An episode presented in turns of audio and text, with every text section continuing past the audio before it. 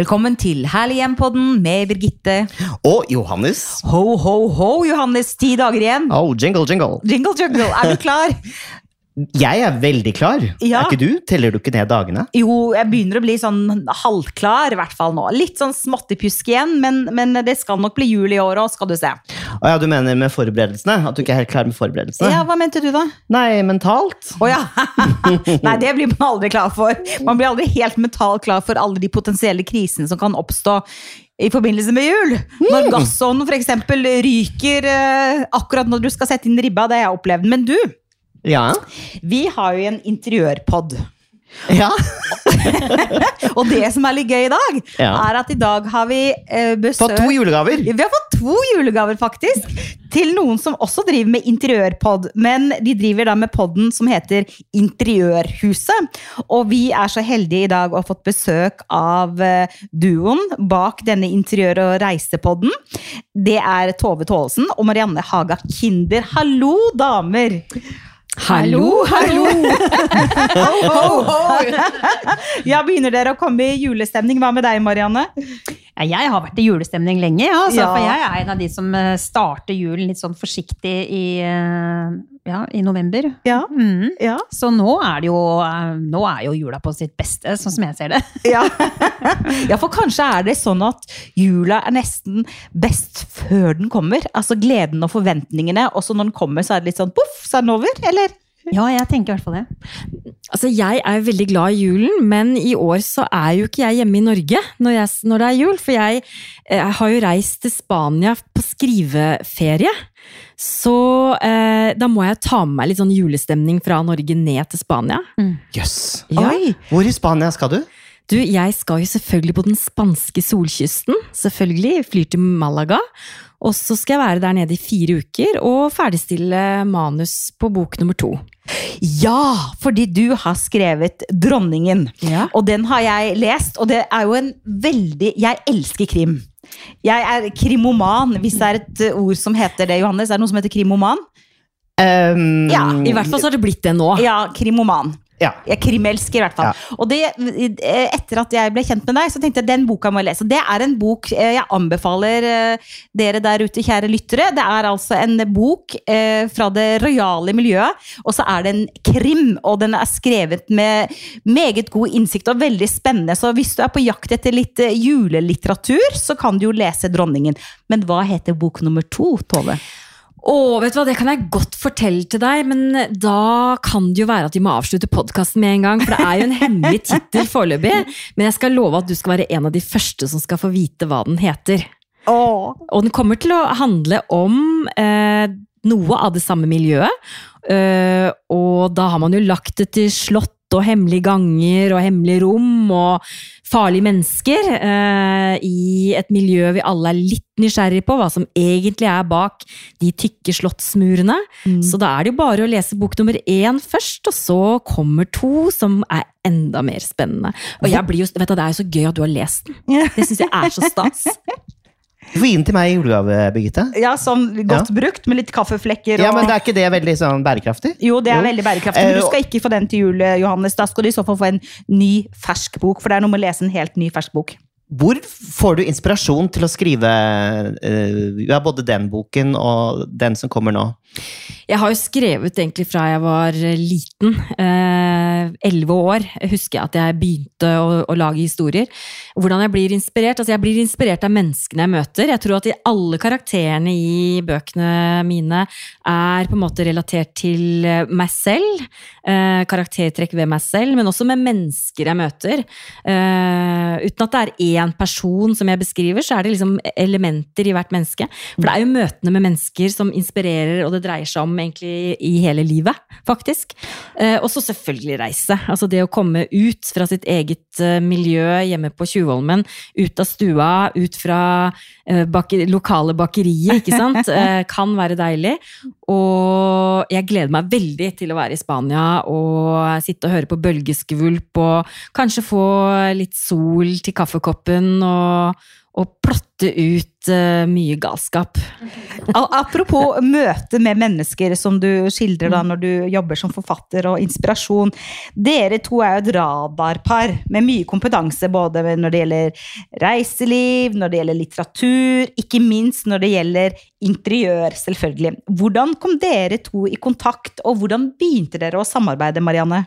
Du vet du hva, det har seg sånn at øh, jeg hadde egentlig øh, over ganske lang tid tenkt at eh, i forhold til eh, å utvikle meg og mine sosiale plattformer, så syns jeg at det var veldig spennende å tenke å ha en podkast. Og jeg har egentlig alltid vært glad i å lytte selv. Jeg husker liksom de der gode barndomsminnene fra jeg satt alltid om morgenen før jeg skulle i barnehagen faktisk, og hørte på liksom barnetimen på radio. Så det å lytte sånn, det, det, det har jeg alltid kost meg med.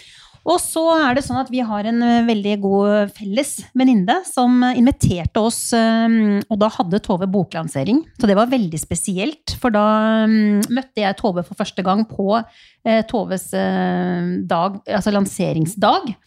Og vi var til og med så barnslige at vi måtte dra ned på Karl Johan og se boken utstilt i, i vinduet. Så kult! Og det var bare sånn herlig følelse. Eh, og da fikk Tove og jeg umiddelbart veldig veldig god kjemi. Og, mm, vi, eh, og jeg tenkte at eh, hvis jeg skulle ha en podkast, så hadde jeg lyst til at den eh, på en måte ikke bare Jeg vil liksom ha min form på podkasten, med all respekt for det dere har fått til, og andre som driver med interiørpodkast. Hadde jeg lyst til at den skulle være litt annerledes. Og da når jeg møtte Tove, så bare droppet det inn i hodet mitt at der har jeg bare Henne vil jeg gjerne samarbeide med. Så jeg inviterte Tove på lunsj på Skøyen, på Marsmanns. Eh, Vi spiste pizza, og jeg spurte Tove da om eh, Eller da hadde jeg allerede spurt eh, om du kunne tenke deg å, å bli min podkastmakker. Og da var det jo nedstengt eh, Norge eh, av korona. Eh, og vi møttes da i januar 2021 hjemme hos meg, for podkaststudio var jo stengt. Eh, og jeg var jo så stressa for å få Marianne Haga Kinder på besøk hjem. altså selve dronningen av interiør på Instagram. Ja. Eh, og hele søndagen gikk med til å vaske absolutt alt i leiligheten min.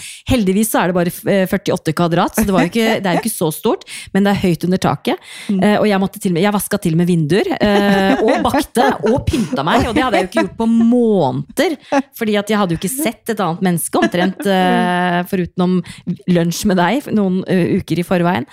Og så ringer hun på, kommer inn og er bare verdens hyggeligste menneske. Og vi finner jo egentlig en veldig fin arbeidsform ganske fort. Eh, foruten at eh, kvaliteten på podkasten var jo ganske dårlig, egentlig. Altså lyden. eh, og jeg tenkte at det kom jo av at det er tre meter under taket, jeg har ingen gardiner. Eh, ikke så mye egentlig ting heller. Så det var nesten sånn ekko, og det var et skikkelig dårlig lyd, så jeg inviterte Marianne inn på soverommet. Eh, og det var, gjorde meg jo enda mer stressa å ha Marianne inne på soverommet. Eh, og dekket opp med brett i senga og, og full pakke. Og eh, det ble ikke noe bedre lyd av det heller. Eh, men da skjønte vi jo at vi hadde jo ikke satt på mikrofonen. Nei. Så, det er morsomt. Vi følte oss litt vel dumme, men, men alt har en begynnelse. ja. Det er veldig sjarmerende, men dere utfyller hverandre på mange måter, ikke sant? Det, og podkasten deres handler jo om interiør, men handler også om reise, og også om de kongelige til tider.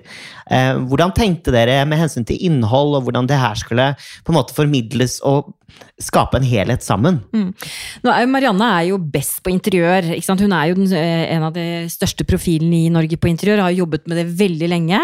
Eh, Jeg er jo interessert i interiør, men på et helt annet nivå. eh, Men er jo estetiker og, og ser og har jo det samme blikket som Marianne. Og begge er veldig glad i å reise, og jeg har jo jobbet som reiseskribent da i, i mange år. Inntil det var bråstopp under korona, det også. Heldigvis har det tatt seg opp igjen. Eh, Og så Det er jo bakgrunnen vår, ikke sant? at vi har tatt det beste fra begges bakgrunn. Eh, suksessene våre, og vi, vi la det egentlig frem på bordet og sa ok, hva kan du bidra med på bordet? Eh, hva vil lytterne synes er interessant å høre om? Og eh, interiør er jo et tema som er interessant, men også vanskelig å beskrive i en podkast. Det samme gjelder jo reise. Det er vanskelig å, å, å snakke snakke om noe man bør oppleve og være til stede og kjenne på, egentlig. Eh, og så putta vi på kongehus, eh, litt fordi min bakgrunn med, fra ti år på, på Slottet som Norges første kvinnelige lakei, eh, og som kongehusekspert på God morgen Norge, så er det jo interessant å kunne bruke noen av de elementene inn i en podkast. Og vi ser jo at lytterne våre liker miksen også. Dere skjønner jo hvorfor jeg valgte å ha podkast med den dagen. Ja, ja, ja. Ikke sant? Men, men, men allikevel så har vi liksom sett at veien har jo blitt litt til mens det, den uh, har gått. Og det, er- sånn er det for oss alle, og det tror jeg er så viktig å si til lytterne også, at hvis man har lyst til å prøve noe nytt, så må man ikke være så redd for å kaste seg litt ut i det også. For at eh, uansett hvilke prosjekter det er, eller hva man har lyst til å starte med, så, så må man egentlig tenke litt at veien blir litt til mens man går. Man har liksom ikke et fiks ferdig konsept der og da når man starter. Og da har vi jo sett at uh, lytterne våre er jo veldig glad i å høre om interiør, og det er jo en felles interesse som vi har. Så, så nå uh, har vi fått en sånn god miks da, på det vi formidler. Mm. Og reise er jo ofte assosiert med hoteller. Eh, og Marianne, da lurer jeg på, hvordan tenker du når du jobber med hoteller kontra private hjem? Ja, altså nå er det jo sånn at eh, når jeg nå eh, jobber med interiør, så har jeg jo egentlig mer at jeg jobber for eh, faste kunder, som egentlig er mer bedrifter, ikke sant. Sånn at det er jo ikke, det er en stund siden jeg jobbet sånn Hvis du tenker interiørmessig, så, så er det en stund siden jeg jobbet både med private hjem og hotell. Men, eh, men eh, for meg så er det jo utrolig stor inspirasjon å besøke hotell. Jeg får jo alltid veldig mye inspirasjon av det, som så mange andre også. Så jeg elsker jo å besøke forskjellige hotellkonsept. Og jeg tar jo med meg detaljene og legger merke til hvordan de løser forskjellige ting. Og, og det er en viktig inspirasjonskilde for meg, da. Og det er jo da viktig for meg å formidle til mine følgere igjen. Når jeg opplever noe som inspirerer meg, så kjenner jeg umiddelbart en sånn behov for å formidle det videre til mine, lytter, eller mine følgere. Da, og lyttere. Mm. Er det noe du har eh, sett i det siste som på en måte eh, har inspirert deg, når du har vært rundt og observert på hoteller rundt omkring? Um, jeg tenker ofte at det, det er jo eh, det med belysning, lure løsninger, og på rom, for eksempel. Um, og veldig mange har jo lyst på hotellfølelsen hjemme også nå. Uh, er det noe du føler uh, Det her har jeg lyst til å, å uh, snakke litt mer om at folk kan gjøre hjemme også. Ja, eh, Utfordringen når det gjelder hotell, er jo på en måte at det er et sted hvor veldig mange skal bo og veldig mange skal være. Så jeg tenker at det man kanskje kan gjøre da, er jo å ta med seg de, eh, altså, noe fra hotell, men allikevel på en måte gjøre det mer personlig hjemme hos seg selv. Da, fordi, at, fordi at det har man muligheten til. Men jeg tenker jo på en måte at det vi ser veldig nå som eh, vi drar med oss hjem, er nok kanskje veldig økt bruk av tekstil. Eh, det siste året så har jeg fått gardiner i stua. Jeg har bodd liksom snart ti år uten, og det er jo det lureste jeg har gjort. Altså Det blir så lunt og fint. Og ikke bare én gardin, men gjerne to gardiner med forskjellige skinner i taket. Eh, eller lifter, eller Ja, det er kult. Ja, Ja, forskjellige materialer som du ikke sant? blander. Både de tynneste gardinene som bare på en måte skaper en sånn deilig effekt, eller de mer tunge som virkelig skygger for sola. Og... Så det tenker jeg liksom er én ting. Eh, ellers så ser vi jo også faktisk eh, mer bruk av eh, tepper. Ikke sant? Vi, har jo, vi trekker jo også mye tepper inn i hjemmene våre nå. Og det er jo ikke så lenge siden vi lo når vi tenkte at eh, hvis man drar på hotell i England, så er det jo tepper overalt. Og det er kanskje litt annerledes på et hotellrom enn, enn hjemme. Men det å ha det tenk, neste prosjekt hos meg hjemme nå, er kanskje faktisk å ha et vegg-til-vegg-teppe på soverommet, f.eks. Mm. Det er så morsomt at du sier det, for apropos hoteller og apropos, apropos England, så tenker jeg at eh, det virker jo som i trendbildet nå at en sånn nostalgi, og en britisk nostalgi, Ja. kommer, og særlig etter at dronningen døde. Så det britiske med tepper og med mye tekstiler og mye teksturer og polstrede møbler og gardiner, det er jo egentlig veldig sånn klassisk britisk, Ja. eh, og som er ganske langt fra den skandinaviske eh, Nordiske Nor- og stil. nordiske stilen, som jo har vært veldig populær i Norge i ganske mange år. Og personlig så elsker jeg det som kommer nå. Altså, Jeg elsker det som er med tepper og er med lunhet. Og, og så tenker jeg en annen ting òg når det gjelder tepper og gardiner. Mhm. Og det er jo rett og slett i disse strømtider. Det er jo ingenting som er mer strømbesparende og lunende enn å ha tykke gardiner og tykke tepper på, på gulvet. Nettopp. Så det er faktisk et tips til dere der hjemme. Mm. Hvis du skal spare litt på strømmen, kjøp deg et teppe, eller gå på loppis og få deg et teppe, eller whatever. Ja, og nå kommer jo snart eh, Er det femte sesong av The Crown? Ja, Det har eh, kommet, faktisk. Har kommet! Ja. Mm. Og det blir vel ikke mindre britisk eh, påvirkning av det. Eh, og det er vel gode nyheter for deg òg, da? Altså, jeg elsker jo The Crown. Altså, Ja. Det er jo bare som å sette meg foran Det, det er julaften og nyttårsaften og bursdag på en gang. Jeg Jeg syns det er veldig spennende. Eh, Og ikke bare pga. historie, men kulissene og kostymene er jo helt fantastiske. Så det, det er kjempe Og det, da blir man jo veldig inspirert, både interiørmessig, men også i klær og smykker og, og alt, egentlig. Eh, Hvordan har du det hjemme? Jeg har ikke britisk stil, det er vel egentlig ganske nordisk eh, hos meg også. Store vinduer og høyt under taket og eh, hvitt. Eh, Eller i hvert fall ganske hvitt. Eh, lite tekstiler, men jeg må kanskje få meg noen nye gardiner. og vi snakket jo så vidt om det før dere kom også, at eh, jeg skjønner jo nå hvorfor mine foreldre hadde vegg-til-vegg-teppe i første etasje. Det var jo selvfølgelig for å både spare og gjøre det lunere, spare på strømmen og gjøre det lunere. Så det er kanskje ikke så dumt å tenke mer tepper og tekstiler. Nei, og når du skal til Spania nå, vet du, så kan du få med deg noen sånne andalusiske, fantastiske tepper, ikke sant? Absolutt. Og det er jo faktisk også kort vei over til Afrika eh, for å handle interiør. Mm. Og det vet jeg jo at mange gjør, både å handle deilig krydder og, og mye flott interiør. Mm. Det var et godt tips. For du er jo reiseskribent. Mm. Eh, og kan du dele noen uh, historier om reiser du har hatt, uh, som kanskje har noe med interiør å gjøre også? Mm. Ja, om ikke det har noe med interiør å gjøre, så skal jeg i hvert fall eh, dele det. Eh, Jeg tenker jo at det, Noe av det første jeg delte med deg, Marianne, i podkasten, var vel egentlig noe jeg trodde aldri jeg skulle være med å oppleve. Jeg er tross alt en jente fra Drammen, eh, fra Konnerud. Eh, Jeg tenkte at eh, i ikke min villeste fantasi ville jeg noen gang ha trodd at jeg skulle bade i bikini fra kongeskipet. det tenker jeg er Men det har jeg altså gjort i Middelhavet, og det er jo noe man aldri selvfølgelig glemmer. Eh, ellers så tenker jeg jo at vi har jo, eh, det vi gjorde når vi startet podkast også, var jo å tenke hvordan skal vi formidle reise eh, gjennom snakk. Vi kan selvfølgelig vise bilder og film på Instagram, mm. men da ønsker vi jo helst våre egne bilder, for det gir best opplevelse. Så vi har jo funnet en god formel på det, at vi egentlig reiser og deler opplevelsene. Og har jo da vært i Tyskland, i Lübeck sammen, på vår første tur. Mm. En helt fantastisk interiørreise, eh, definitivt, Mm. på gode hoteller. Både eh, i litt eh, høyere prisklasse, men også i helt normal prisklasse. Mm. som ga et veldig veldig godt inntrykk. Og vi hadde jo en helt fantastisk opplevelse hvor vi virkelig Ble ble, kjent. godt kjent. For vi er jo ganske like, vi er jo nesten som søsken. Mm. Mm. Og allikevel så er vi ulike.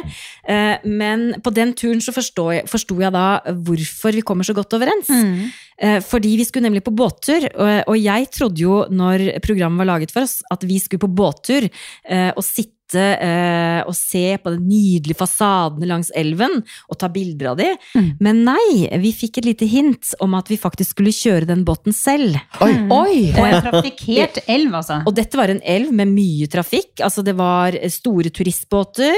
Dette var da en elektrisk båt. Med 20 plasser. Det var, det var ikke noen liten båt. Så vi fikk jo, både, Jeg så på Marianne at hun hadde panikk, og jeg hadde panikk. Jeg, kan, altså, jeg, jeg er fra Drammen, jeg har knapt nok vært i en båt. uh, og, eh, så jeg sa til Marianne vet du hva, vi må bare innom det bakeriet. Marianne bare 'jeg skal ikke ha kaker nå, Tove'. Det er helt uaktuelt.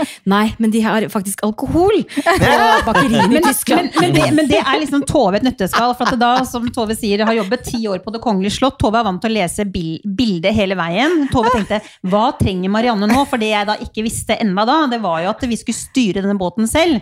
Og da tenkte Tove at det Marianne trenger nå for å roe nervene, det er en eh, gin tonic. Ja, og vi hadde, vi hadde knappe 15 minutter på oss, så det var rett inn der og rett ned. Og jeg få- kunne ikke skjønne hvorfor hun var så ivrig på den gin tonicen, men jeg er jo ikke vanskelig å be, da. Så der satt vi på det der gamle, det var så kult, et gammelt familieeid bakeri Ja. med masse pensjonister på Ja. dagtid som Ja. satt og nippa til kaffe og strudel eller hva det er Ja. spiste. Og der tok vi en eh, gin tonic på styrten, og videre til denne eh, brygga hvor vi da skulle om bord. I båten. ja, og fikk fem minutter instruksjon. Mm. Eh, og jeg tenkte dette kommer aldri til å gå. Dette kommer ikke til å gå bra. Og det var dårlig vær. Det var bølger. Eh, vi, Det blåste Fikk, blå- vi fikk bakka den båten ut, eh, og helt, helt intuitivt så fant vi ut hvordan vi skulle fordele oppgavene. Marianne tok rattet. Eh, og jeg styrte farta.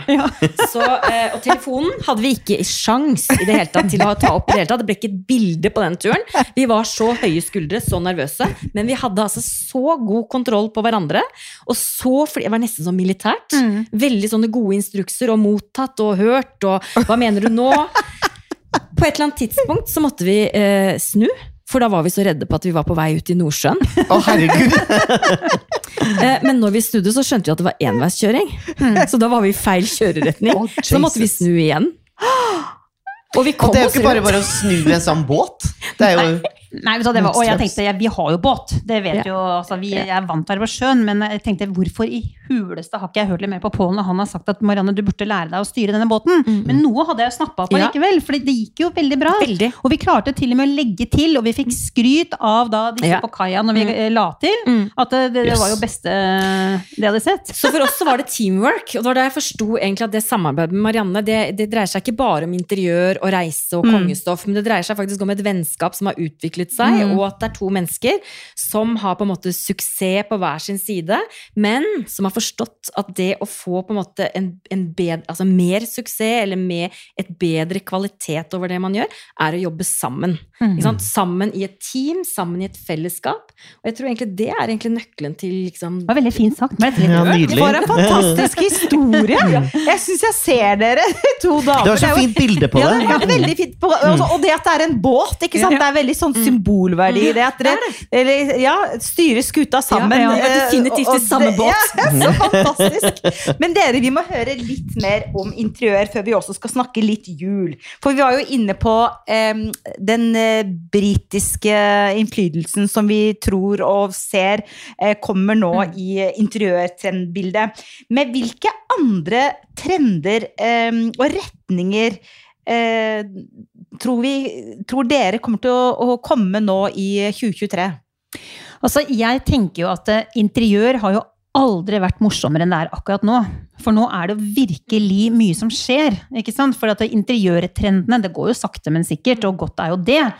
Eh, men det vi på en måte har sett i lang, lang tid, som jeg virkelig heier på, det er jo de personlige interiørene. De personlige hjemmene. Alt er lov. ikke sant? Om Tove har et minimalistisk hjem, om du har et fargerikt hjem, Johannes, eller mm. Birgitte har mer et klassisk hjem, så er det liksom lov til alt, og det er jo fantastisk. Eh, det vi ser når vi snakker trender, eh, så er det noen som kaster seg på det. Eh, andre velger å ikke gjøre det i det hele tatt. Eh, noen har deler av det. Men det jeg ser nå, er jo selvfølgelig at eh, vi er veldig inne i Vi har jo startet for, for et par år siden nå, men vi er jo veldig på den nordiske stilen nå, ikke sant? Vi har gått fra de mørke hjemmene, jeg kan jo bare snakke for meg sjøl. Eh, når dere besøkte hjemmet mitt, så hadde jeg jo grønn, altså grågrønne vegger, mørke vegger. Mens eh, jeg har jo gått lyst. Men jeg har jo allikevel tatt vare på de gamle, slitte møblene som er mer klassiske. Som nettopp gjør at jeg får et personlig hjem, da. Mm. Eh, og det er jo klart at det har jo noe med hva man jobber med også, man lar seg jo påvirke. Men det som jeg syns er spennende nå, da, det er jo på en måte det at eh, vi blir jo nå påvirket og Klassisk har jo alltid vært der, ikke sant? i ulike former. Eh, mange kan kanskje huske hjemmene til eh, besteforeldrene, i hvert fall for min del, som hadde en bestemor som bodde på Bislett, med krystallkroner og store, tjukke rammer på maleriene. Og, mm. og det er jo like kult en dag i dag. Mm. Så, så det jeg tenker for min del nå, er kanskje litt den der miksen mellom det nordiske, men kanskje jeg ikke skal ha de der typiske bildene på veggen som er den japanskinspirerte, men heller liksom kjøre på med litt de gamle maleriene som du finner overalt på loppemarkedet. Jeg syns de er dødsfine. Mm. Det er noe jeg virkelig er på jakt etter nå, ikke sant? Og mikse det litt. Og en annen tredje ting som vi ser nå, eh, som jeg syns er kjempespennende, det er at eh, det er på en måte en trend at vi, hvis vi får personlig hjem, vi, vi tar kanskje vare på de gamle designklassikerne. Kanskje vi har fått av våre foreldre, besteforeldre, eller funnet noe, et kupp. Mm. Eller til og med spart ikke sant? til å kjøpe akkurat den type stolen som vi har ønsket oss. Eh, det er liksom på den ene siden, men vi kombinerer det like mye med at vi kanskje finner en gammel lampeskjerm på loppemarked, kliner den inn med litt gips eller maling, Mm. ikke sant? Og får akkurat de fargene vi vil, eller vi har noen gamle vaser på loftet som vi tar ned og spraylakkerer i akkurat den fargen vi ønsker. Så selv på en måte de hjemmene som kanskje er ganske sofistikerte, og hvor det er brukt mye penger, så mikser man det kanskje litt med det man da velger å lage selv, og det syns jeg er skikkelig kult. Og så er det jo veldig sympatisk. Det er jo veldig sympatisk, ikke sant? mm. For da er det jo overkommelig for, eh, for eh, mange. Så tror jeg også det at eh, den tiden vi lever i, med den uroen som er i verden, ikke bare i Norge, men i, overalt, eh, tror jeg også det der å ta vare på det som har vært, altså finne frem i skap og skuffer det man har, eller, eller få uh, av mor og, og bestemor, uh, både interiør og ting man kan dekke opp på bord med, det tror jeg er noe vi bare kommer til å fortsette mer og mer av eh, i årene som kommer.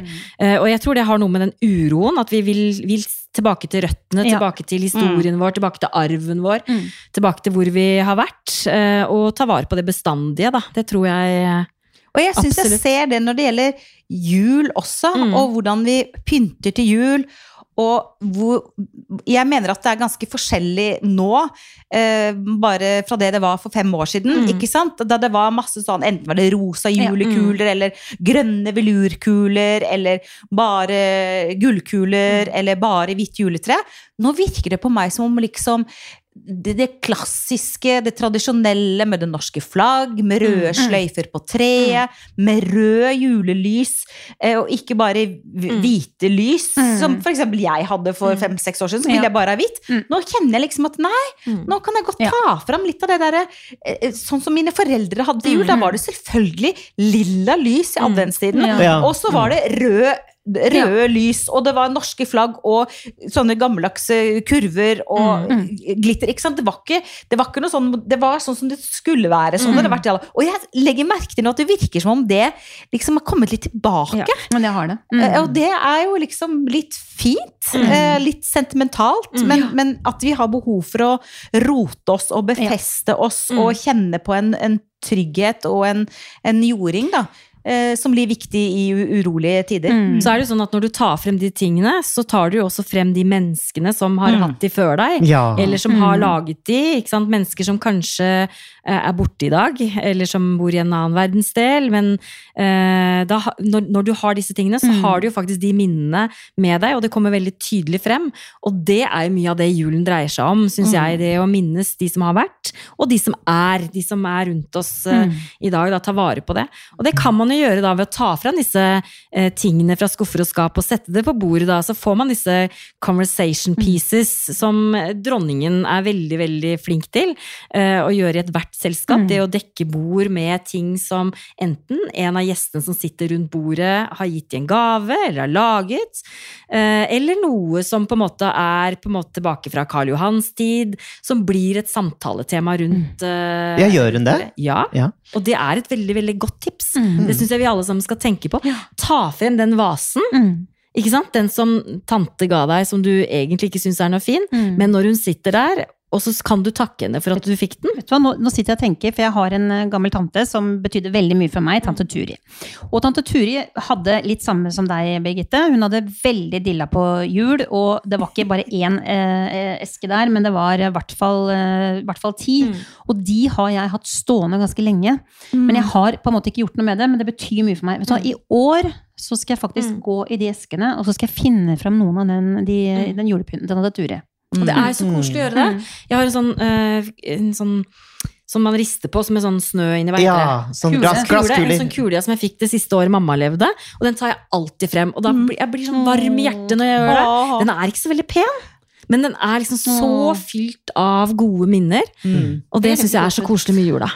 Ja, også tante Liv. Hun Mm. ga meg alltid jeg, tenkte alltid at hun var så gjerrig og kjip, fordi hun ga meg alltid ting hun hadde hjemme. Og det var bare sånn oh, Great, tante Livs presang, whatever.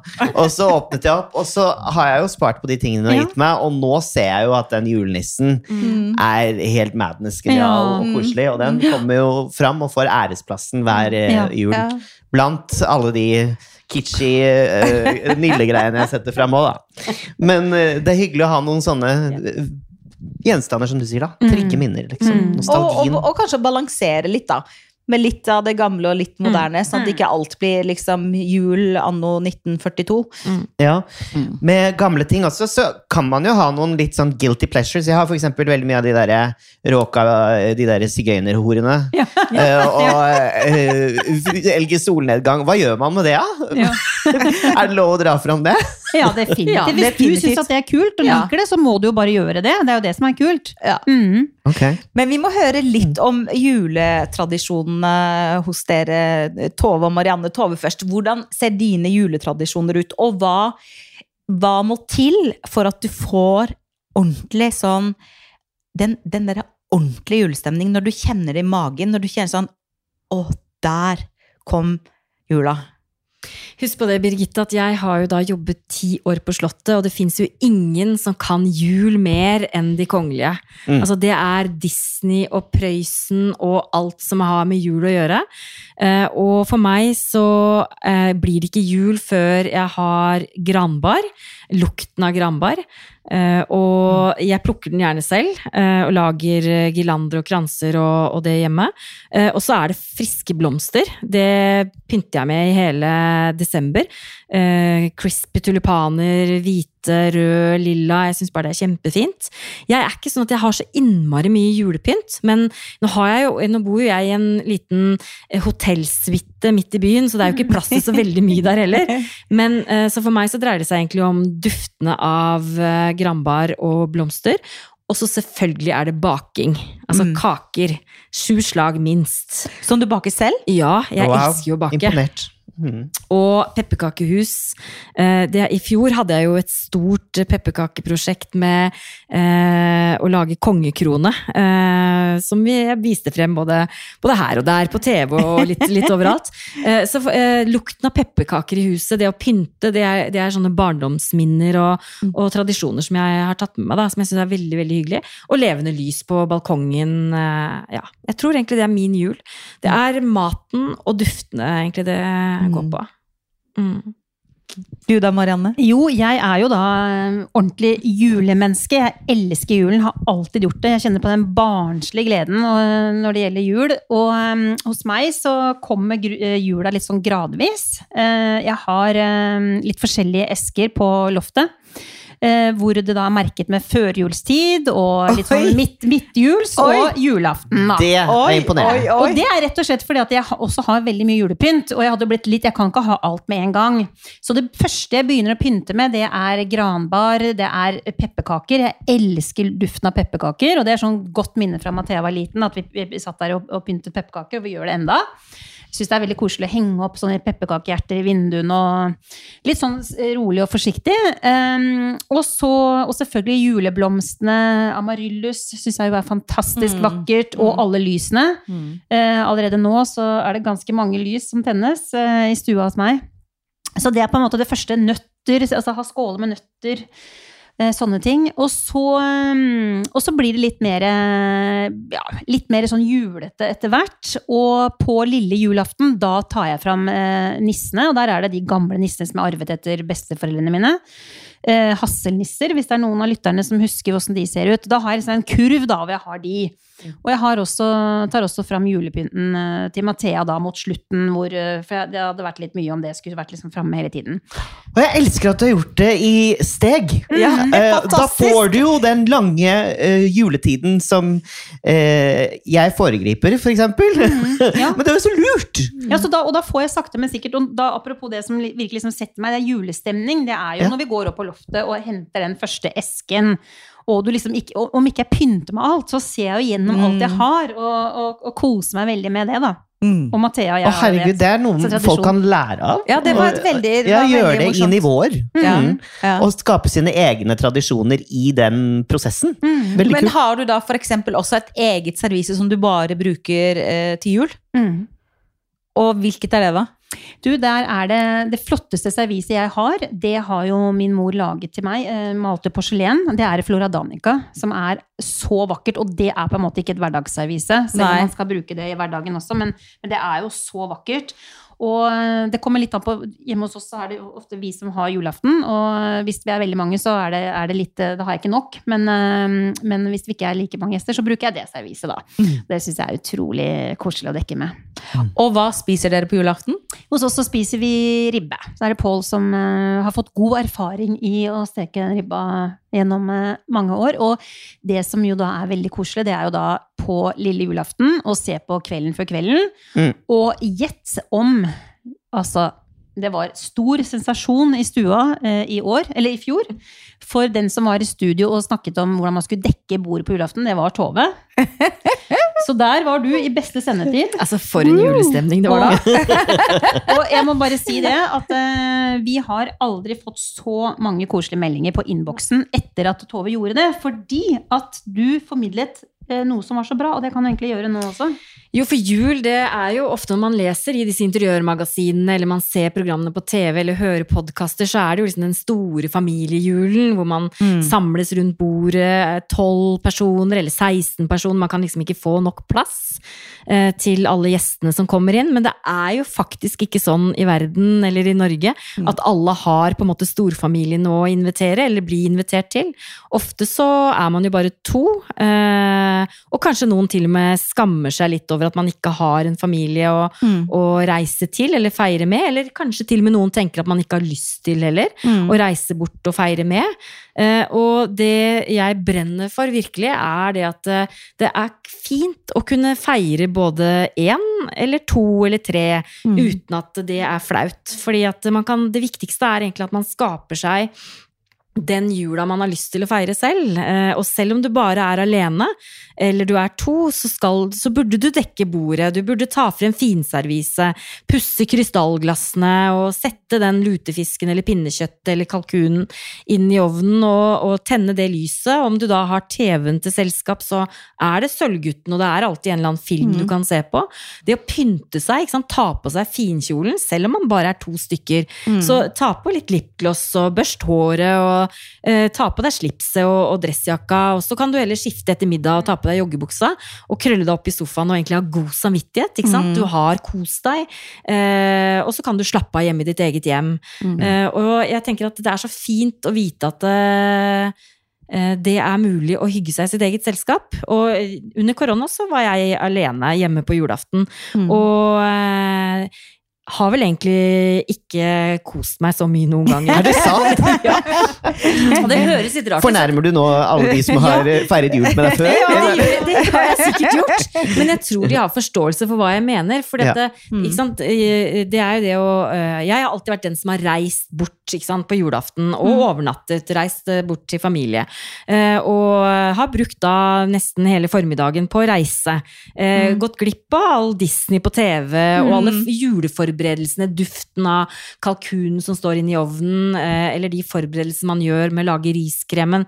Eh, For da har man kommet på ettermiddagen, og da er jo stort sett da er man gjest, og da er alt gjort klart, og man skal bare sitte ned og kose seg. Men så får, så, så man, får man ikke tatt på seg den godbuksa og, og, og sitte i, sofaen og se på det Disney-klassikerne som man så på i gamle dager. Og det gjorde jeg jo, vet du. Og det, vet du, det var jo så deilig. Spiste sjokolade og marsipan og koste meg. Ja, men det handler kanskje litt om å, å måte eh, følge sin egen rytme. Ja. Eh, og at man får anledning til å gjøre det på den dagen hvor alle skryter at man liksom skal ha tid til det.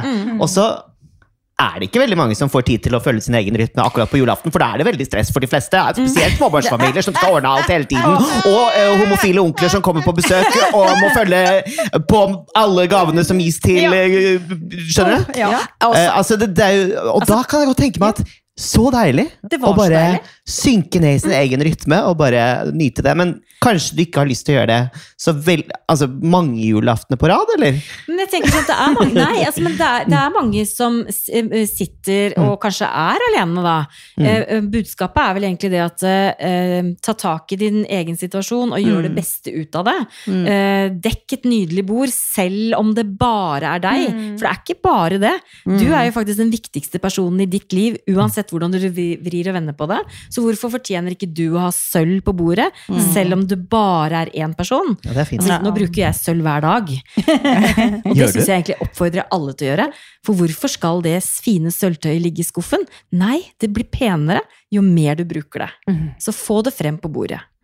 Jeg syns det var så nydelig budskap mm. når det gjelder jul, og så skal vi ikke underkjenne det faktum at julaften, da, første dag, det er også dager der det er mange forventninger, og der det er ganske høyt konfliktnivå i ganske mange familier. Eh, der man forventer at alt skal være perfekt, og så svir man kanskje ribba, eller eh, riskremen ble ikke så god som pleier å bli, eller folk er dårlig humør, eller det har vært en konflikt. Så det, det syns jeg er et fantastisk budskap, som jeg tror kanskje vi skal eh, avrunde med, Johannes. I forhold til å gjøre julehøytiden til det beste man kan. Eh, For selvfølgelig andre, men ikke minst for seg selv. For som du sier, eh, man er jo den viktigste personen i ens eget liv. Og med de ordene så tror jeg vi sier tusen takk for i dag. Tusen takk for en inspirerende prat om Ja. både trender, jul og ikke minst eh, om og med dere to. Virkelig. Eh, Det har vært en eh, sann fornøyelse å ha dere på besøk hos oss. Tusen, tusen takk, og veldig koselig og flott å prate med dere også. Og god jul. God jul. og riktig god jul. Og Johannes, eh, vi er tilbake, vi, eh, neste onsdag. Ja. Og da er vi faktisk på utflukt et sted. Eh, Vi kan jo komme tilbake til det. En liten teaser, det. Ja, rett og slett en liten teaser. Tusen takk for i dag, også til deg, Johannes. Og tusen takk til deg og dere som hører på oss hver uke. Og husk, ta vare på ditt herlige hjem, stort eller smått.